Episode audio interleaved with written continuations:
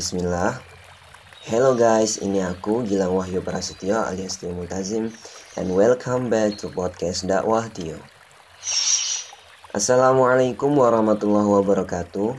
Guys, seperti yang aku janjikan di episode sebelumnya Episode kali ini kita akan membahas sedikit tentang syarat-syarat diterimanya doa. Yang mau aku sampaikan dalam podcast ini adalah Kurang lebih seperti syarat utama berdoa itu apa aja. Kemudian ada syarat-syarat tambahan alias adab-adab kita dalam berdoa. Oh ya, setelah ini kalian bisa langsung DM Instagramku di @tiomutazim untuk nanya-nanya seputar episode ini. Jadi kalau misalkan masih ada yang kurang paham atau misalkan butuh dalil lagi, nah langsung DM aja, oke? Okay?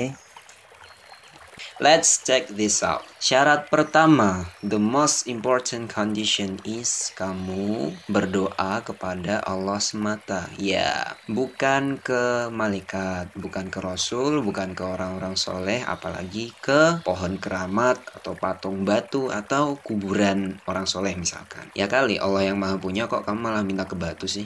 Ada yang alasan kalau doa minta sesuatu ke kuburan nih bilangnya gini nih, bro ini kan dia orang soleh ya. Kita doa ke dia. Uh, aku aku mau sebut suatu merek aja. Misalkan uh, kuburan seorang Habib. Ya misalkan nih kuburan seorang Habib. Bro kita nggak nggak minta dari maksudnya kita nggak minta doa kepada si Habib yang udah mati ini. Nggak kita tetap minta ke Allah. Cuma perantaranya lewat si Habib gitu. Nah mengenai hal ini Masuk ke syarat kedua nih, berdoa dengan perantara memang lebih berpeluang dikabulkan alias mustajab.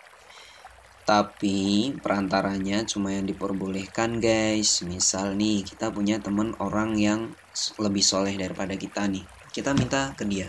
Bro, doain aku dong semoga aku keterima kuliah tahun ini.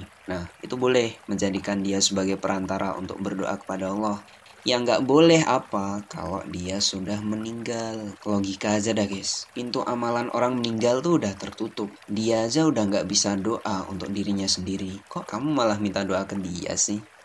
Udahlah orang soleh yang masih hidup tuh banyak kok. Ayolah minta doa sama mereka aja yuk Ketiga, ini bisa jadi penghalang terkabulnya doa nih, makanan dan perbuatan haram. Oh iya, haram itu terbagi jadi dua loh guys, haram secara zat dan secara hukum. Secara zat itu ya, jadi zatnya, barangnya itu udah haram, misalkan minuman keras, kemudian babi, dan sebagainya. Kalau haram secara hukum, aslinya zatnya barangnya itu halal, tapi hukumnya yang haram. Misal nih, nasi haram.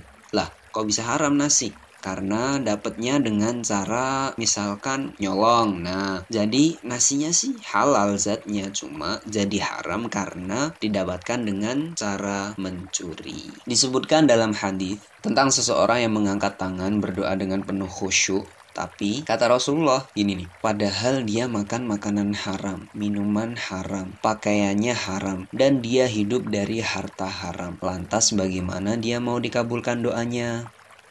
Selain tiga syarat di atas, ada beberapa adab yang patut diterapkan pas kita doa. Tujuannya biar doa kita nih lebih berpeluang dikabulkan oleh Allah alias lebih mustajab. Wih mantep nih, udah doa mustajab lagi. Yuk kita bahas yuk. Oke, pertama ada pertama adalah mencari waktu mustajab. Waktu mustajab itu banyak banget loh guys. Aku sebutin beberapa aja ya. Catat nih, ada waktu sujud di setiap sholat. Jadi sholat apa pun, sholat sunnah, sholat wajib. Kalau pas sujud itu bisa minta doa apa pun yang kita mau. Kemudian waktu antara adzan dan iqomah kemudian waktu jeda antara dua khutbah Jumat. Jadi waktu kan khutbah Jumat kan ada dua tuh waktu khatibnya duduk istirahat dari khutbah pertama nah itulah waktu mustajab sebelum dia berdiri lagi untuk khutbah yang kedua. Kemudian waktu bangun di sepertiga malam terakhir jadi kamu nggak harus sholat untuk berdoa. Kamu bangun doang kemudian berdoa pun juga nggak apa-apa gitu. Kemudian waktu hujan kemudian waktu puasa dan lain sebagainya. Adab kedua, hendaknya doa dimulai dengan sholawat, kemudian pujian-pujian terhadap Allah. Contoh nih, Subhanakallahumma wa bihamdika inni kuntu minal zalimin. Dan zikir-zikir semisalnya. Pakai zikir yang diajarin di Quran dan hadis aja guys. Banyak kok, gak usah ribet bikin zikir sendiri dah. Oke, ketiga, berdoa dengan menyebut Asmaul Husna. Karena Asmaul Husna itu juga mengandung puja-puji terhadap Allah. Jadi jangan cuma ya Allah bla bla bla ya Allah bla bla bla. Jadi jangan cuma gitu. Sebutlah ya Allah, ya Rahman, ya Rahim, ya Malikal Mulk misalkan. Ibarat tuh kita memanggil seseorang, misalkan Tio, ah misalkan ya. Hai Tio, hai rajin, hai ganteng gitu. Mohon maaf nih kalau yang jijik ini cuma misal doang ya.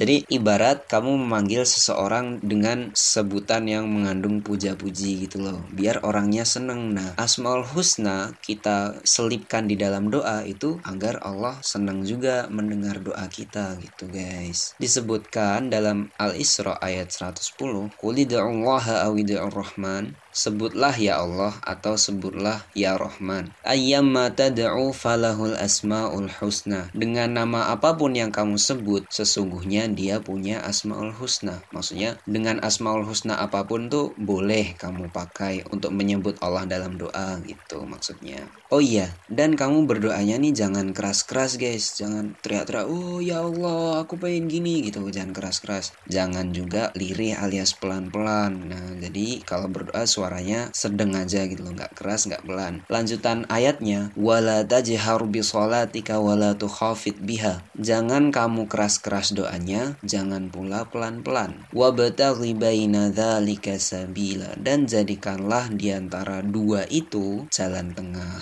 Maksudnya jadikanlah antara keras dan pelan gitu suaranya. Oke masuk ke adab keempat Jangan doa maksiat, jangan doa memutus tali silaturahmi. Contoh nih doanya, ya Allah aku mau maling ATM nih malam ini, mudahkanlah ya Allah. Gitu. Duh jangan bro, maling ATM nih dosa, doanya juga dosa, ya nggak jadilah dikabulin. Oke, ada kelima, gak usah terburu-buru dalam berdoa. Disebutkan dalam hadis, salah seorang sahabat nih bertanya pada Rasulullah, "Apa itu terburu-buru dalam doa, wahai Rasulullah?" Nah, kata beliau Shallallahu Alaihi Wasallam, kamu bilang bahwa kamu itu udah doa tapi nggak kunjung dikabulkan, Lalu gara-gara itu kamu bosan dan akhirnya berhenti berdoa. Hadis riwayat Muslim. Nah, mengenai hal ini nih kita patut meneladani kisah Nabi Zakaria nih. Jadi ceritanya itu beliau tuh udah tua, sudah bungkuk, mungkin seumuran kakek nenek kita lah. Kemudian istri beliau nih sudah mandul, maksudnya itu dalam usia tua kan biasa wanita kalau udah usia tua itu kan menopause ya, sudah gak bisa hamil lagi. Nah, cuma Nabi Zakaria tuh masih belum berputus asa untuk berdoa kepada Allah untuk minta anak karena beliau berdua ini belum dikaruniai momongan. Disebutkan dalam surah Maryam. Qala rabbi inni wahanal azmu minni. Kata Nabi Zakaria dalam doanya, Ya Allah, sesungguhnya tulang punggungku itu udah bungkuk. Washta'ala ra'su syaiba dan kepalaku itu sudah menyala-nyala keputihan. Maksudnya sudah berubah. Walam akun bidu'aika rabbi syaqiyya. Dan tapi aku belum berputus asa untuk berdoa kepadamu. Wa inni khiftul mawaliya min warai. Dan sesungguhnya aku takut. Aku tuh nggak meninggalkan ahli waris satupun. Tuh. Wa kana kanat imraati akira padahal istriku mandul fahabli min ladunka waliya maka karuniailah aku seorang anak di sisimu nah kuasa Allah, beliau sudah tua, istri beliau sudah menopause, tapi diberi kehamilan oleh Allah. Diberi rizki kehamilan oleh Allah. Siapa yang yang dikandung istri Nabi Zakaria? Nabi Yahya alaihi salatu wassalam. Adab keenam, pakai bahasa Arab nih lebih utama. Tapi ini disclaimer loh ya, jangan minder yang belum bisa bahasa Arab. Gak usah minder, slow slow. Pakai bahasa Jawa, pakai Mandura, Bali, bahasa Ngapa, bahasa Sunda, bahasa Indo, bahasa Inggris, bahasa apa pun yang kita gunakan, kita ucapkan, Allah pasti tahu dan mendengar. Yang penting, maksud dan tujuan kita dalam doa itu yang jelas ya, Ketujuh, gak usah merangkai kata-kata untuk berdoa. Gak usah repot membuat sajak doa. Kita nih mau berdoa guys, bukan bukan berpuisi. Cukup doanya nih yang singkat to the point karena sebaik-baik perkataan adalah yang singkat, padat, jelas. Contoh tuh, doa sapu jagat. Nah, singkat tapi udah mencakup seluruh harapan dunia akhirat kan. Oh ya guys, permintaan ke Allah itu nggak terbatas pada hal-hal yang besar doang kayak misalkan uh, minta diterima amalan atau minta masuk surga atau kebaikan dunia akhirat. Nah, nggak terbatas pada itu doang. Bahkan kamu bisa kok minta hal yang lebih spesifik, yang lebih kecil, yang yang lebih remeh lagi dalam doamu nih. Misal, kamu ada jerawat di jidat nih, jerawat gede. ya ganggu banget kan kalau lagi sujud. Kalau misalkan tangan nggak sengaja megang jidat nih kan, aduh perih gitu kan. Mintalah doa, ya Allah hilangkanlah jerawat ini. Gitu. Jadi menurut sebuah riwayat, sebuah kisah dari Ibnu Rajab rahimahullah, seorang ulama tuh Ibnu Rajab. Beliau bercerita, orang-orang zaman dulu kalau berdoa kepada Allah nih sampai ke hal-hal yang remeh. Kayak misalkan tali sendalnya putus atau kehabisan garam di dapur. Jadi misalkan garam di dapur habis, Ya Allah, garamku habis. Karuniailah aku garam pagi ini ya Allah gitu. Remeh banget kan, tapi boleh guys. Gitu. Akhir kata, jadi kembali ke apa yang sudah aku sudah pernah aku bahas di episode sebelumnya yaitu sebuah doa. Kalau kita berdoa nih apabila memenuhi, syarat-syarat dan adab-adab di atas itu tuh doa itu pasti antara tiga hal guys yang pertama doa kita dikabulkan. Yang kedua doa kita ini nggak dikabulkan tapi diganti yang lebih baik. Yang ketiga kita tuh dihindarkan dari keburukan yang terkandung dalam doa tersebut. Jadi, nah ini kan kemarin kan kita bertepatan dengan pengumuman kelulusan UTBK ya. Jadi buat teman-teman yang misalkan sudah doa sepanjang tahun ini untuk keterima saat UTBK. Kodarullah kok tahun ini UTBK-nya nggak keterima ya. Aduh padahal kamu sudah gigih berusaha sudah gigih berdoa. Nah itu bukan berarti Allah nggak sayang sama kamu guys. Justru Allah itu sayang banget sama kamu. Kamu itu dipilihin pilihan lain yang lebih baik daripada UTBK jadi apa pun pilihan Allah terhadapmu itu pasti yang terbaik. Jadi kalau kamu nggak lulus UTBK kemarin ya udah itu tuh yang terbaik. Artinya kamu sudah ditetapkan oleh Allah jalan keluar lain yang mungkin kamu nggak pernah sangka-sangka tapi itu tuh it's special for you from Allah. Jadi itu spesial banget banget buat kamu dari Allah gitu. Asalkan kita apa guys? Asalkan tuh kita tetap bertakwa. Wa may yattaqillaha yaj'al lahu makhraja.